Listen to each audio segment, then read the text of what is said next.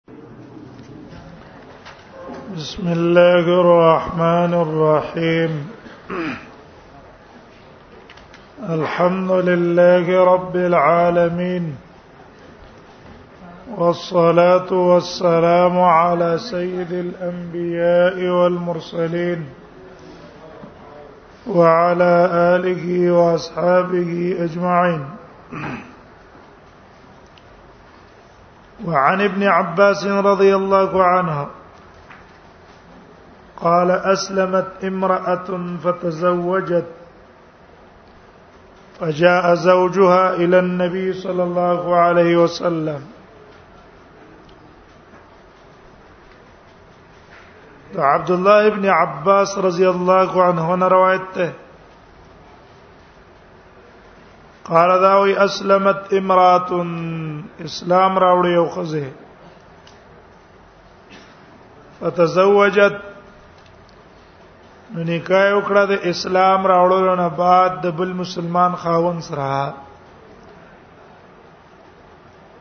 او دا د کافر سړی په نکاح کې وا فجاء زوجها الى النبي صلى الله عليه وسلم راغه دا غیر خاون اولنې نبی صلی الله علیه وسلم دا وقال نبی ویل یا رسول الله اے الله پیغمبر انی قد اسلمت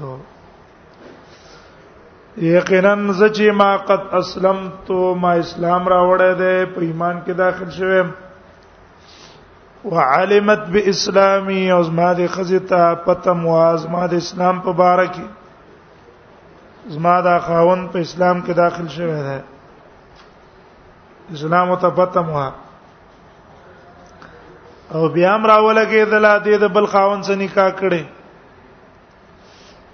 فانتزعها رسول الله صلى الله عليه وسلم راويستلا دلراد نبی صلی الله علیه وسلم من زوجها الاخر د نکاح د بل خاوند او ته ویل چې ستانه نکاح اوس صحیح شوی نه ده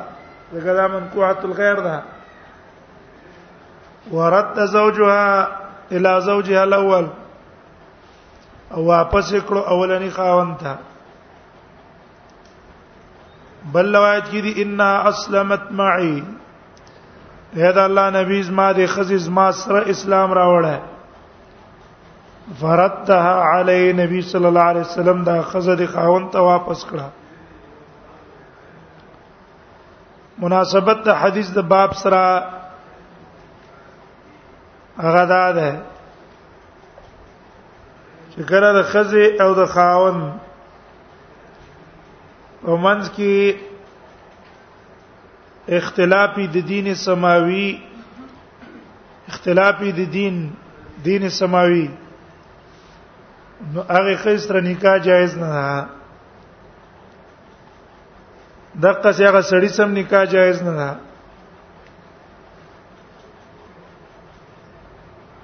دوی مناسبت دا ده چې یو خزه د چا په نکاح کې په نکاح صحیحه دویم سره کو سه نکاح تړي د دویم نکاح سره سې کیږي نه حدیثنا به یو مسله راوځي شرعي چې هغه لګ اختلافي مسله ده په مابین د علماو کې اوله مسله هغه ځین کې کینه وای دا یو سړی دی هغه په اسلام کې داخل شو سړی په اسلام کې داخل شو او د د په نکاح کې خزه چې وا هغه مو سره په اسلام کې داخله شو په یو ځای نو په اتفاق د علماو باندې دا نکاح هم د قصفاتی او دا خزه د نکاح نه نوځي دا غو صورت ته چې خزه او خاون په یو ځل باندې اسلام راوړي دا اتفاقی مسله ده چې په دې حالت کې وا په زړه نکاح باندې خزه او خاون پاتې دویم صورت هغه دار چې سړی په اسلام کې داخل شو او خزه په اسلام کې داخله نشوه نو اوس که چرته دا خزه کتابیه وا خزه کتابیه وا يهودانه دا یا عیسایانه دا نو بیا په دې اسلام داخله دو باندې د نکاح د اخی سنه ماتيږي زکه د کتابي سره نکاح ابتداء جائز ده هغه سره نکاح ابتداء جائز ده نو بقاء په طریقه ولا جائز ده ابتداء هم جائز ده بقعن په طریقه ولا جای شو ابتدان معنا دا ده یو سړی خص مسلمان ده او ده په حالت د اسلام کې د کتابي سره نکاح کې جایز ده چې مخکې نه نکاح کړی د کتابي سره اوس په اسلام کې داخل شو نو بقا دغه نکاح په طریقه ولا جایز ده ها کدا سړی په اسلام کې داخل شو دریم صورت سړی په اسلام کې داخل شو او خزه کتابیه نه ده وسنیه ده مشرکه ده کمونست ده مثلا سیکړه ده هندوا ده کمونست ده یا مشرک ده یا خزه ده هغه په اسلام کې داخله شوه خاوند که هر یو که کتابیو که غیر کتابیو نو په دې صورت کې نکاح به کله ماتيږي او کله به نکاح نه ماتيږي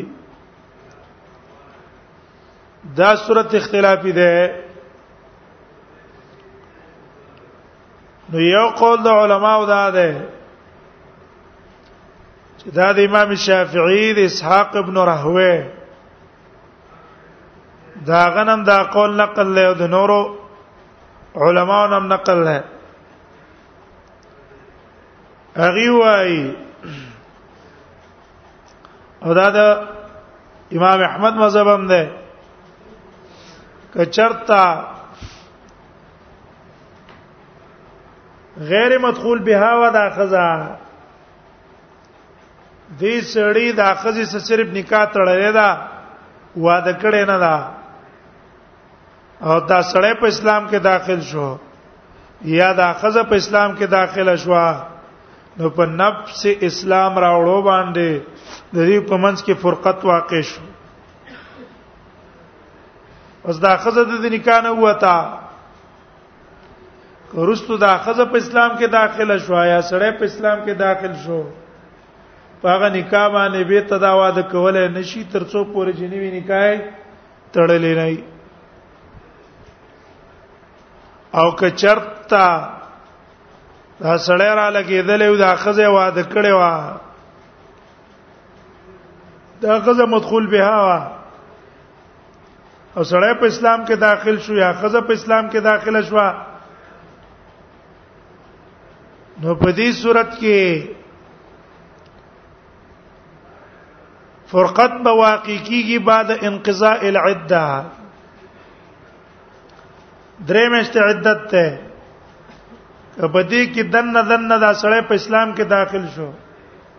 یا دا خزه په اسلام کې داخله شو نو بس زړه په زړه په نکاح به پاتې شي او کچرته دا درې میاشتو کې دنه دنه سړی په اسلام کې داخل نشو یا خزه په اسلام کې داخله نشو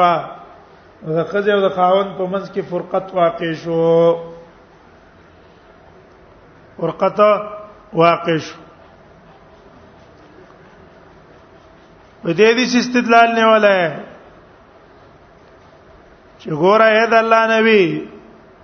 قد اسلمت وعلمت باسلامي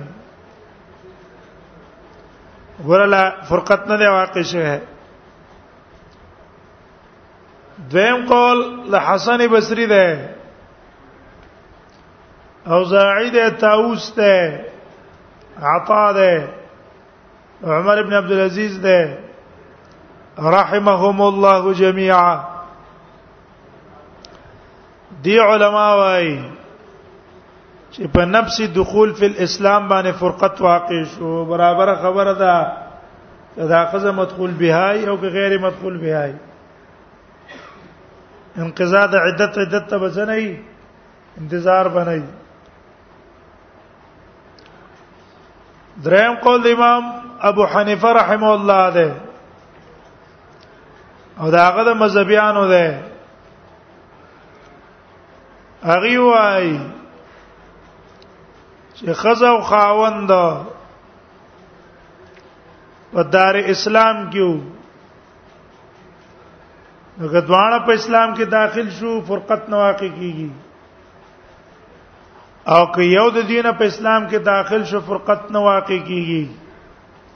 الا به امرين دو کارونه وکي یو کار دا ده چې د اسلام د اخیری درو نه رښتو د دې خزه ک په اسلام کې داخله شوی و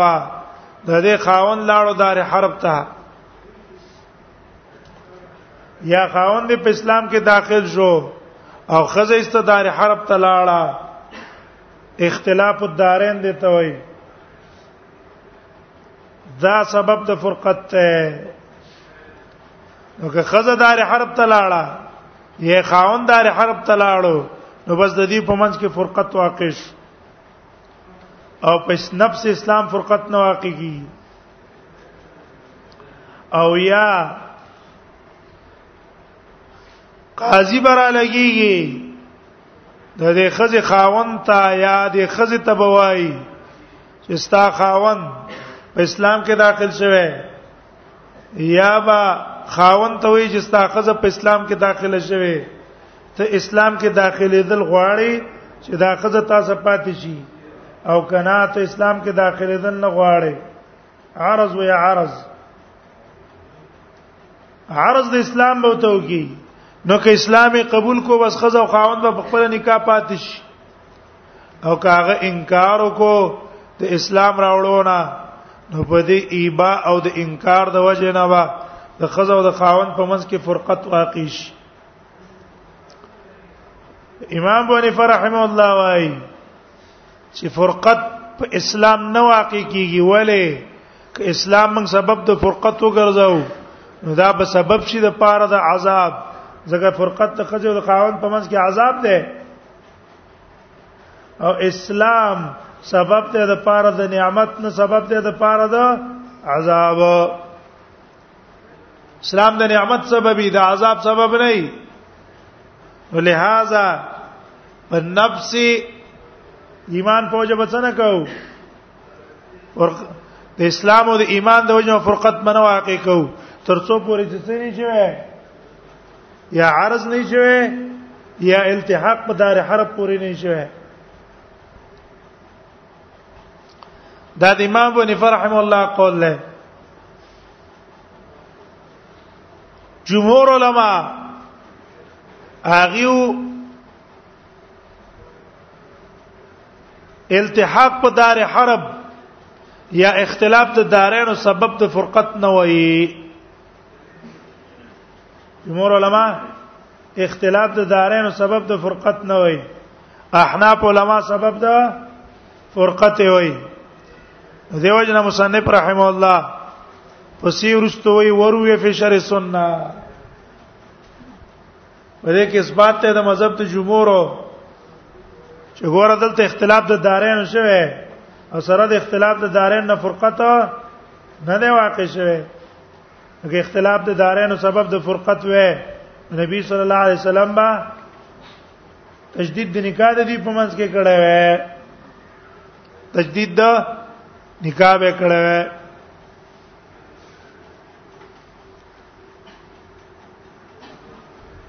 به دویم د حدیث نه دا معلوم شو دویمه مسله د حدیث نه چې فا خاوند دی داوا وکړه قد اسلمت وعلمت باسلامي علما وايي چې کله سړی دعوه وکي د عدم عدم وقود طلاق او خزه دعوه وکي د طلاق او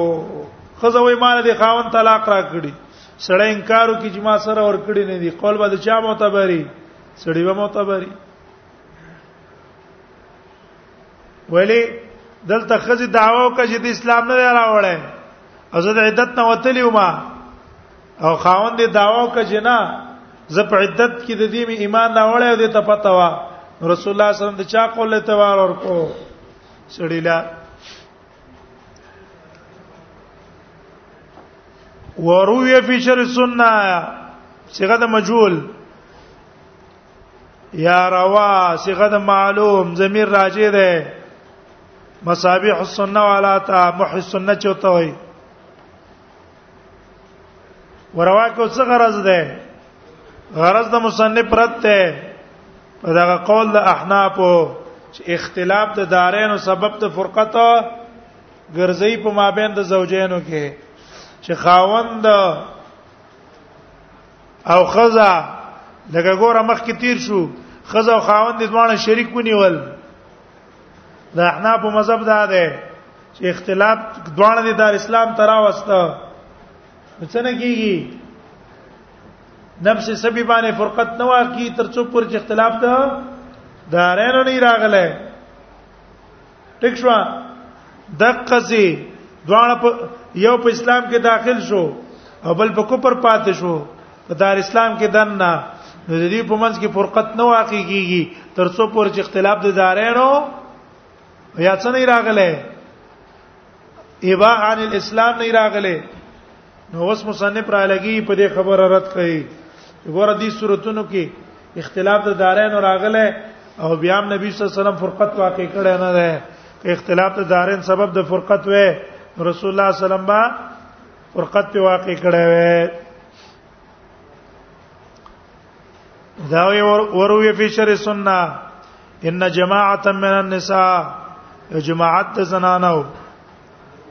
ردهن النبي صلى الله عليه وسلم من نکاح واپس کړه غیل نبی صلی الله علیه وسلم بن نکاح الاول على ازواجهن اولنې نکاح خپل خاوندانو ته زړه زړه نکاح وا عند اجتماع الاسلامین وخت جمع کېدل د اسلامونو کې اے په دې عدت کې دنه دنه انقضاء د لا عدت نه وراغله انقضاء د عدت نه مخکې مخکې چې دوانه په اسلام کې جمع شوې دي نبی صلی الله علیه وسلم نکاح ورکړه بعد اختلاف الدين والدار پس د اختلاف د دین او د دار نه یو په کوپر باندې بل په اسلام یو دار حرب ته تللی بل ته دار اسلام ته راغله خو چې به ته په دې عدت کې دنه دنه سړی اس مسلمان شوی دی یا خزه مسلمان شوی ده رسول الله سلام زړه نه کافرخي منهن په دې خزو کې یو د بنت الولید ابن المغیره د ولید ابن مغیره لوروا كانت تحت صفوان ابن اميه دا و په نکاح د صفوان ابن اميه کې اسلمت يوم الفتح دې خزي په فتح د مکه کې ایمان راوړو وهرب زوجها من الاسلام او خاوند د اسلام نه استو تختیدو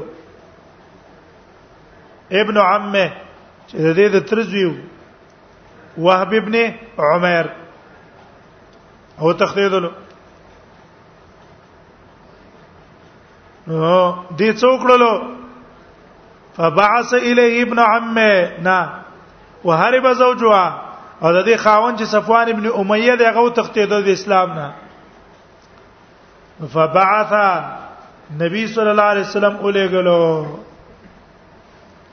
بل نسخه کې ده فبعث اولېګل شو الیه د پسې یا فبعث الیه ابن عمه نبی سلام اولې ګلو د پسې د ترزوی چې وهب ابن عمر ده بردای رسول الله صلی الله علیه وسلم سره صادر د نبی سلام نه نبی صلی الله علیه په کار دا بردایي ویلای کنه نبی صلی الله علیه ولې ګل خپل صادر سا چې دا زمانہ خدا اغلا منور کا خو اسم ضمیر په ځای سره وړو اسم ظاهر بردای رسول الله صلی الله علیه وسلم امانا لصفوان چې دا امن دی د پاره د صفوان فلما قدم کله چې دا صفوان ابن امیہ راغې جعل له رسول الله صلی الله علیه وسلم تسیر اربعه اشهر وی ګرځولو دا هغه د پاره څلور میاشتې ګرځیدل چې زه څلور میاشتې ستاره پاره مهلت ته سوچو کا فکر وکا اسلام د تخخ کار شو داخل شه او کنه داخليږي بیا په پس داغه نستا امن زئی ختم به جی بیا څه کېږه کوا ته به منګه نه پریدو حتا اسلم تر دې چې اسلام راوړو فاستقرت عنده دا قصه دغه په نکاح کې هم د قصې پاتې شو دا یو شو ور تختیدل کنه او نه تختیدل اختلاف د دار راغې کرانه غې دویم واسلمت ام حکیم او اسلام راوړل ام حکیم بنت الحارث ابن هشام امراه عکرمه چې دا خزه د چا ده دا خزه د عکرمه ابن ابي جهل ده يوم الفتح بمکه ورځ د فتح په مکه کې يوم الفتح بمکه فتح د مکه کې دی ایمان راوړو وهرب زوجها من الاسلام او د دې خاون چې اکرمه ده دې مستو تختې دو دا کسو چې د نبی صلی الله علیه وسلم سخت دښمنی به د کولا افته د مکه کې نبی صلی الله علیه وسلم د لامن نو ور کړه یو ولس کسانو چې نبی صلی الله علیه وسلم هغه مستثنا کړی د امن نه چې دا به وجه نه پرې دی بیانو پای کې دا اکرمو وجدار چې دا ډېر سخت دشمنو د بویلو وای کزما دا خرم پر رسول الله صلی الله علیه وسلم ایمان راوړي زبا په ایمان نه وروړم دون اکلک زیدیو د ابو جال زیو رستو الله پاک دله توفیق د ایمان ورکو یو توفیق د ایمان ورکو به اعلا مؤمن او اعلا حنین جنگ لچتلو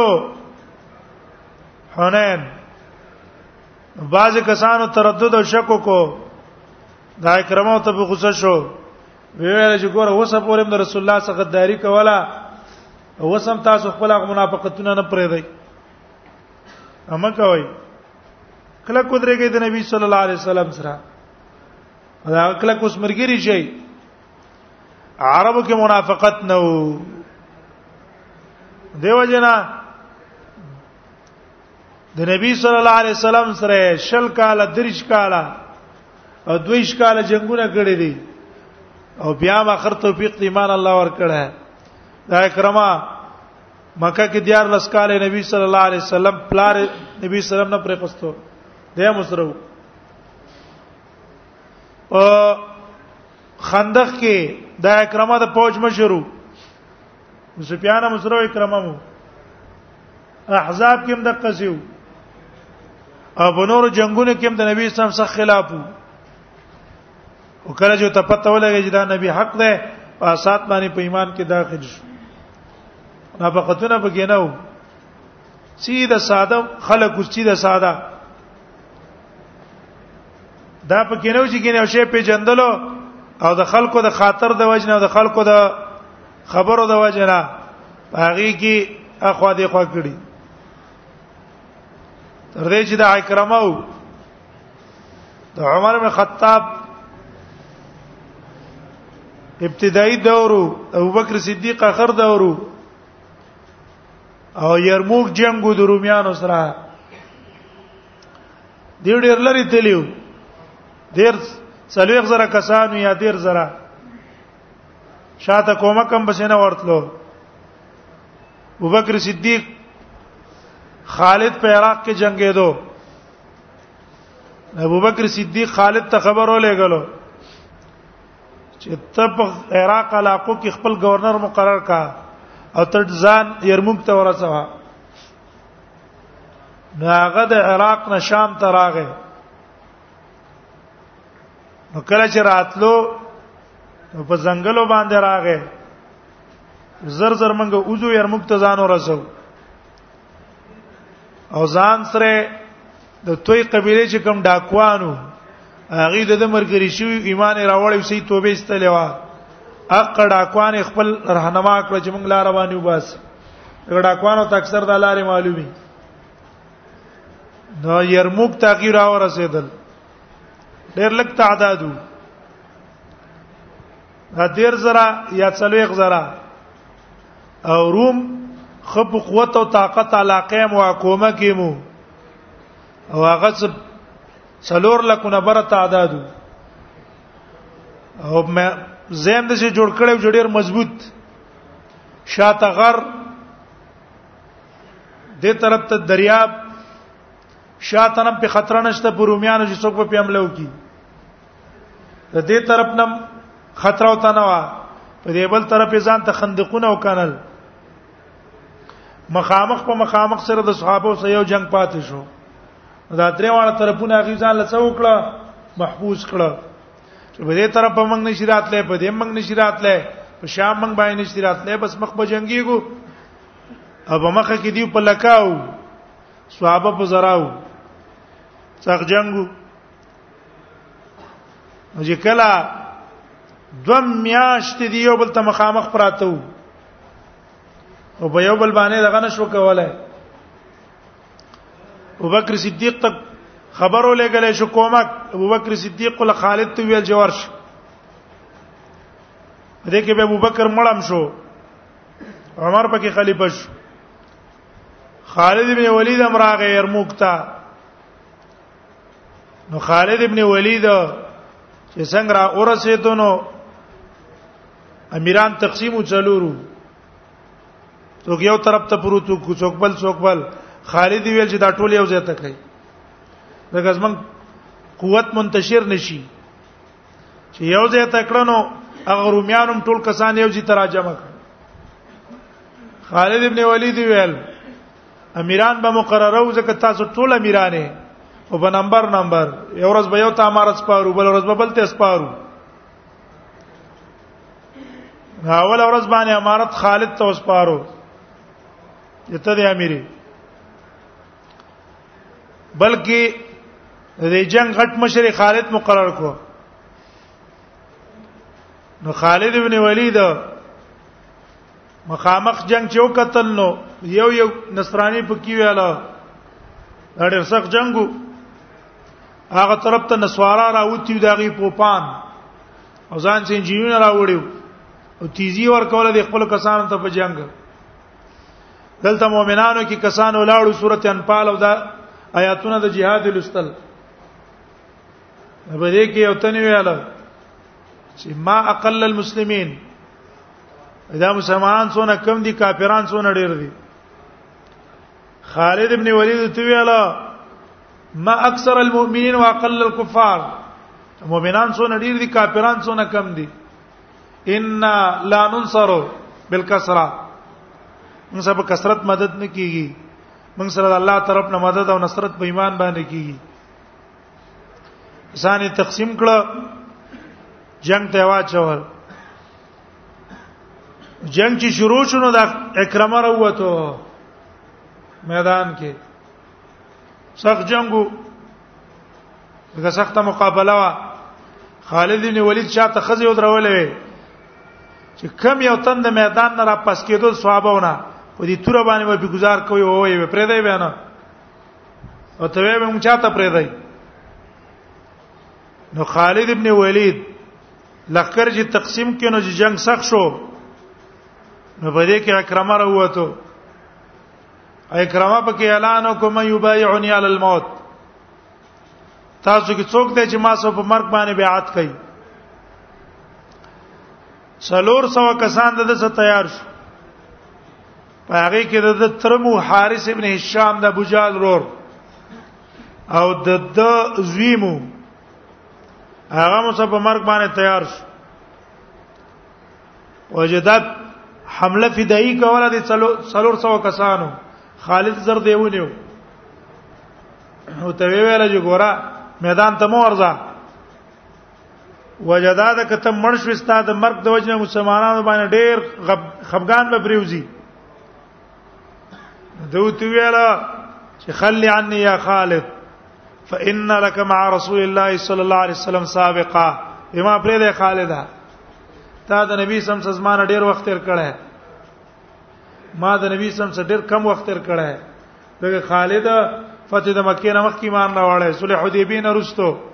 تقریبا یو کال یو نیم کال د نه مخکې مان نه وړه او ما د نبی سم سره کم وخت تیر کړه زه کوشش دا کوم چې اوس دې قرباني ورکما او تاسو رڅ شمه دا سابقت چې کړه دی چې دې کې سب مقابله وکم به کافرانو ته ویل چې قاتلت رسول الله صلی الله علیه وسلم فی مواطن وافر منکم اليوم ما د نبی صلی الله علیه وسلم سره جنگونه کړی په ډیرو ځایونو کې دا غنه میدان نه تختیدل نه چې هغه د الله رسول له داغه مقابله ته ولاړو تاسو کافرانو نه بز تختمه جنگ یې شروع کړو اخر دیم شهید شو د زویم شهید شو او نور کسان هم د سره ولګېدل شهادت په یرموک کې وکړو خو په کافرانو باندې شکست پرې وته نو په منډه شو چې منډه شو یا منډه والا خندق ته غورځیدا ورمه کې ماته دو یا دغه تور غورځید شین تور غورځید نو څه په لکاو کسان ته څه شولو ته مردار شو او هغه علاقه ونیولې هغه علاقه ونیولې دا غا کرامو ویلا تختې دلو باقي دغه صحابه پاک خلکو دا قصې نه کولې د مشرۍ وګي نو روایت کې راځي یعنی جنگ کې چې کله عمر بن خطاب خلیفہ شو عمر بن خطاب رائے دا و چې د ټول فوج مشر دی عبید ابن جراح ابوبکر زمانہ کې دا رائے و او خالد ابن ولید دی نه د سم مصلحتونو په بنا او د عمر دغه رائے و د ابوبکر صدیق خالد نه خپم شو خالد په تعذر وکړو حضور نبی او تو کړه به ته به پرې خوست نو په دې جنگ کې عمر بن خطاب خط لګلو چې عام فوجي مشربا عبیده ابن جراح عین جنگ شروع ده په دې جنگ ټیم کې قاصد را ورسېد عمر خالد ته تاسو کو څه چللې سال له هغه ته ابوبکر مړ شوه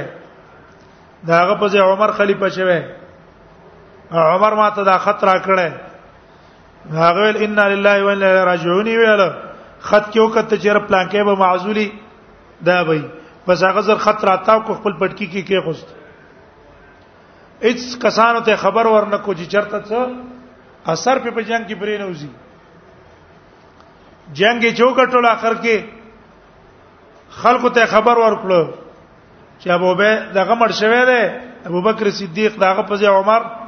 خلیفہ دی او د عمر د پاره زمونږ مقصد طاعت ته لکه څنګه چې د ابو بکر د پاره دی او هغه دا خطر لګلې دی چې عبیده ابن جراح به امیری عبیده ابن جراح تر څو حواله کړي دا ته والا د غنیمتونو تقسیمونه دی واخله او زستا پر رعیت کې یو رعیت ما دا اوچت خلکو دیو جن الله ول توفیق دی ایمان امر کړو دیو جن چې څوک ور منافقت کوي کنه ارچا خان یا ارچا خان ارچا خان الله مخ نه بوزي ارچا خان پیژنې منګو تر چا خان وای محمد رسول الله ته ذل وجهین وای او غټ تعبیر ته په منافق ده درې واړه مستدغال پاس دي کنه هغه دا چې بس دته ویا مجید تاسو زه صد د تبي خبره کومه هغه صد هغه د تبي خبره کومه دلته داغه غوسه کې په حال کې ما حالته داغه سره روانه ما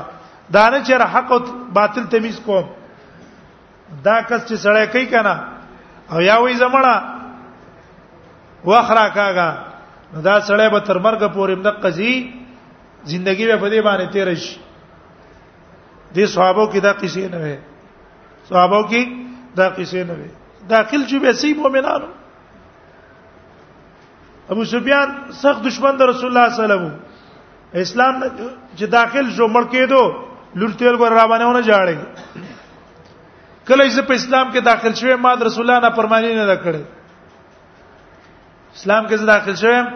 رسول الله سم نه پرمانی مې نه کړې یا دا قسم مؤمنانو خلق ولال خلق غرض مې د خبره دا ده چې من تاسو کې د دې عقيدي فکر من تاسو له پکار ده ما سره یو عقیده ده راته پته ولګی دا چې دا سلفیت عقیده حق عقیده ده دا عقیده به څنګه پټوم ته پیسو د پاره یو ځکه به زی امام ما صرف د امامتۍ د وجنه خپل عقیده به اظهار هم نشم کولای چاته به دعوت هم نشم کولای حضرت سیدا حکمت خان ځان نسازه یو مې شي ځان نساز کا دوه مې شي ځان نساز کا دا حکمت پستا څو کاله پورې چلیږي څو پورې به دا حکمت چلے شل کارنه په دې زیات په امامت کې شي وي دوا په سنت په ته پرې نه دي په هیت اجتماعي اتهر په حکمت په کار کو دوا په فرضونه به ته پرې نه دي په هیت اجتماعي ته په حکمت په کار کو ستا په جمعات کې د سنتو طریقو باندې څوک عمل نشي کولای او یا هغه څوک چې راشي هغه ځان څو درول نه شي اته یې راز په حکمت باندې وکړ کو دا د حکمت کار نه دی دا تاسو اصل کې فکر نشته د عقیده چې سړی سره عقیده فکرې کنا هغه دوه ورځې نشي تیرولای څنګه دوه ورځې تیریږي نشي تیرولای خامخا غم به وسري دعوت بکې بیان بکې نو په لګ ټیم کې به کسانو زینونه به کولاو کی تیار به کی به دې کار تا ته به سکی تیار به کی او دا واره ته کزه یو ځکه امامت کوم او رستو رستو به کار وکم رستو کار نه کې چقړو خلکو لکه وراره کنه او کار نه کې نو کشل کاله پس دم کار شروع کو شړې دی پری دی نه چړې دي پرې دي دنه کاول نه اظهار نه کړه دیو جنا جنگ د تشل کال رست راځي یو شل کال مخکې جنگ وکا یو به ازاد شی به تازه دي کنه سړی چا امامتې لراوسته امامتې لچ راوسته نو سوار وړه راغستلم مقتدیانو ته ویل ګور زنه سوار کومه امامتې باندې مینی سي نسوار نه پرېدم اجنه به سبا چې را د استاد نه سوال کړي د سیمه مونږ نه کو اوس نه راته ویوي زه دا نه سوال کوم بل امامته له چا بوتل یو ناغه امامته نه مخ قصه مکه بډیو مستی کړي وا به مقتدیانو ته ویلی ګوره دا مې زکه او کچې به ونه یو جداز بنګه په خوراکونو مشو زه د مخ کې نه زیمه د مخ کې نه مسیمه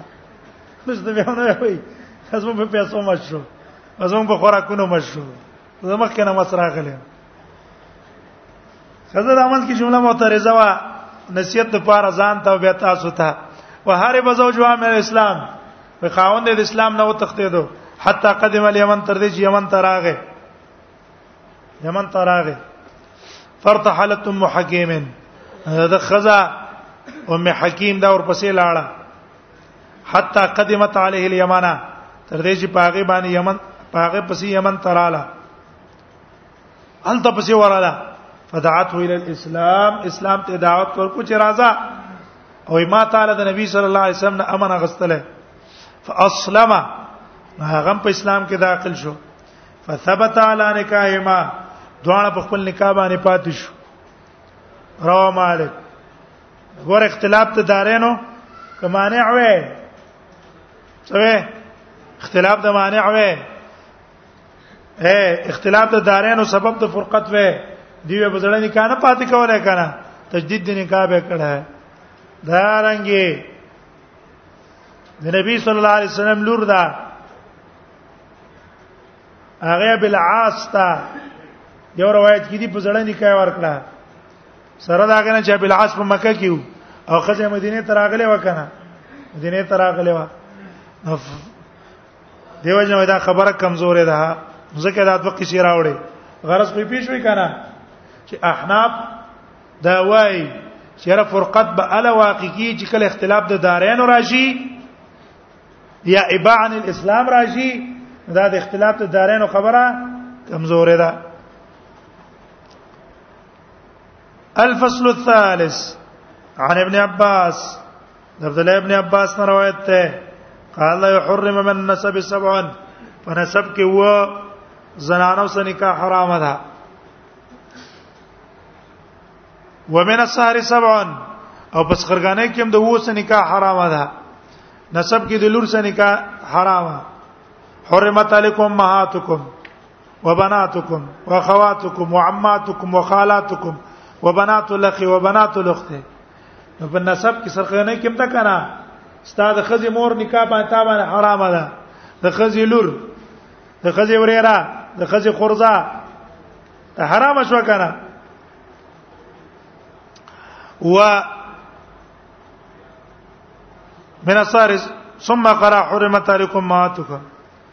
وعن عمرو ابن شعيب عن ابي عن جدنا رسول الله صلى الله عليه وسلم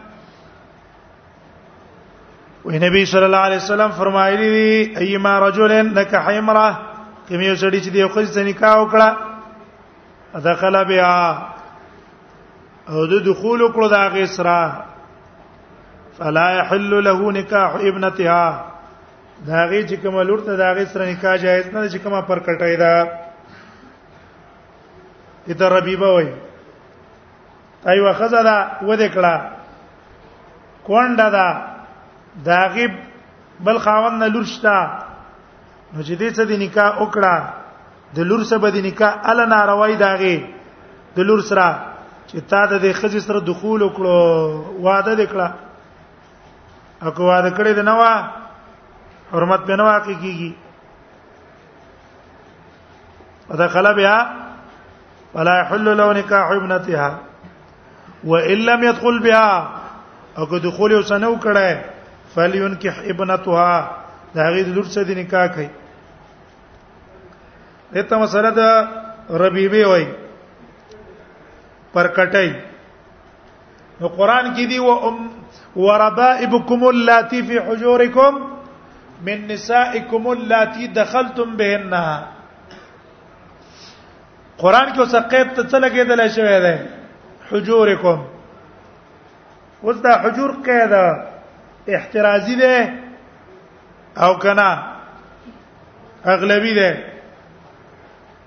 جمهور علما قول لا ده چې دا قید اغلبي دی اغلبي تا د یو خځې سره نکاح وکړه داغي سره به نزدېکت وکړو د دې نزدېکت ته بعد د دې چې کوم لور ته داغي ستاله نکاح ناروا ده برابر خبره کدا لور ستا په تربيت کې او کوم بل ځای کې وا خو تاره نکاح جایز نه ده ټیکشوا ولې نبی صلی الله علیه وسلم د حدیث کې څو ویل دي کې ویلې ايما رجل نکاح امراه فدخل بها فلا تحل له نکاح ابنتها ابن مطلق ویل کنه دارنګ حدیث د ام سلمې ده انها لو لم تكن ربيبتي في حجري دا وځ ما په حجر کې دا وې کدا زما ربيبه نه وې او حجر غالبا قید پکې لګېدل ټیک شو نو وېدا آیات عام ده او دا قید چې لګیدل دی اغلبي دی او د پاره د مزید قباحت ته دغه لا تاکل الربا ضعفا مضاعفا د دې څه معنا ده د چند مخرینو یو چند خړلې کې جایز دي یو یو چند خړلې ناروا دي خدا قید لګیدل د پاره د مزید قباحت او د پاره د هغه طریقې ده جاهلیت دویم قول دا د علی زواهر ده بعضی علی زواهر ده اغي وای ربيبي سره نکاح حرام ده چې کله هغه ستا په تربيت کې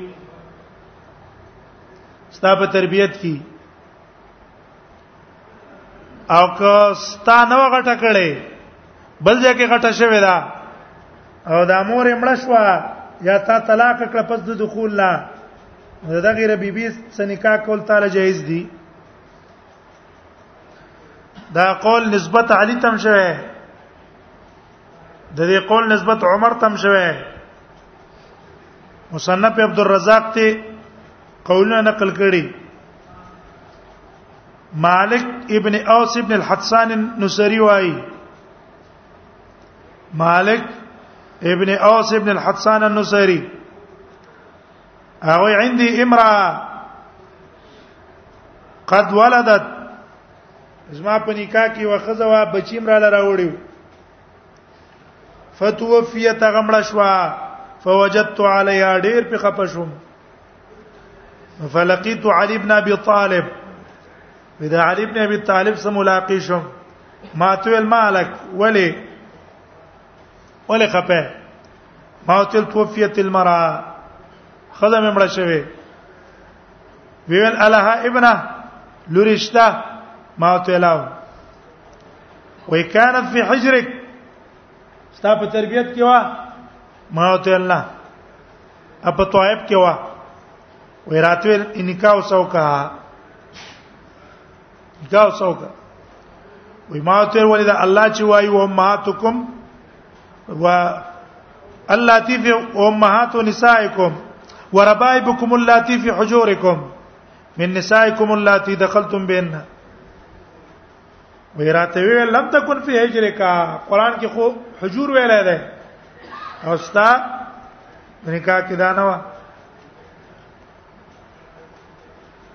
لیکن جمهور را لګیدلی د حدیث کې علت ویلای دې کې او راوی د ابراهیم ابن عبید او ابراهیم ابن عبید په باره کې وېدا مجهول لې لیکن حافظ ابن حجر جمهور په دې قول باندې رد کړه او ویلي چې نه دا خو تابعی دی معروف دی ثقه دی او د پلار او نیکی دواړه صحابه دي دویم روایت مصنف عبد الرزاق راوړی مصنف عبد الرزاق د ابن جوریج نه وګدا قصه ده وای کدا دي ان رجلا تزوج بنت رجل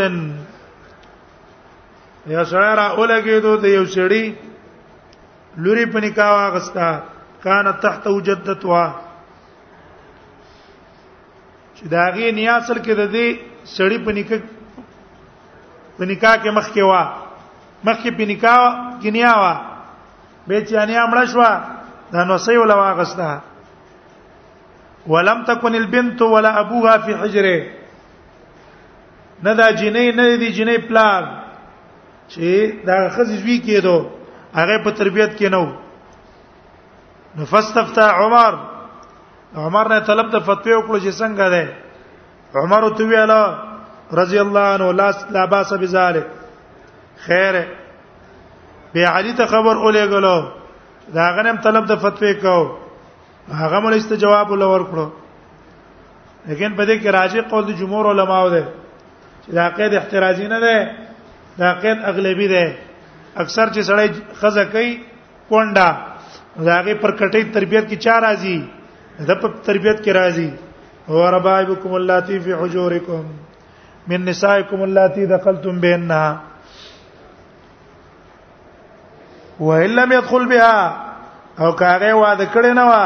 فلينكح ابنتها به د لور سره نکاح کوي او ایما رجل انک حمرا او کوم یو سړي چې د یو خې سره نکاح وکړه فلا يحل له دلدا جایز نه دی ايان کې امها چې هغه د مور سره د نکاح کی دخل بها او لم يدخل هغه سي دخول کړی او کني کړی دا د قرآني مسله هم ده روا ترمذی وقال هذا حديث لا يصح من قبل اسناده سند په اعتبار سي نه اگر کمانه ټیک ده انما رواه ابن لهيعه د دې روایت ابن لهيعه او مصنف بن الصباح کړه ده عمرو ابن شعيب نه وهما يضعفان في الحديث او دا دواړه ته نسبت کې دی چې د زوب په حدیث کې د دواړو ته نسبت د زوب شوی دی دا غوړه پر روایت نقل کول کې ضعیفان دي